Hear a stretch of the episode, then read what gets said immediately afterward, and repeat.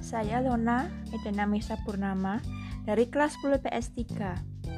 Berdasarkan cerita tersebut, perangkat yang perlu di-upgrade adalah RAM. Karena jika memilih mengganti hard disk dan SSD, akan mencakup biaya yang mahal. Sedangkan user hanya memiliki dana minim. Selain itu, RAM dapat menyimpan data dengan mudah dan praktis serta ukurannya yang kecil dapat menampung data yang sangat besar sesuai kapasitas memori dan memiliki harga yang terjangkau untuk user yang memiliki modal minim daripada membeli hard disk dan SSD.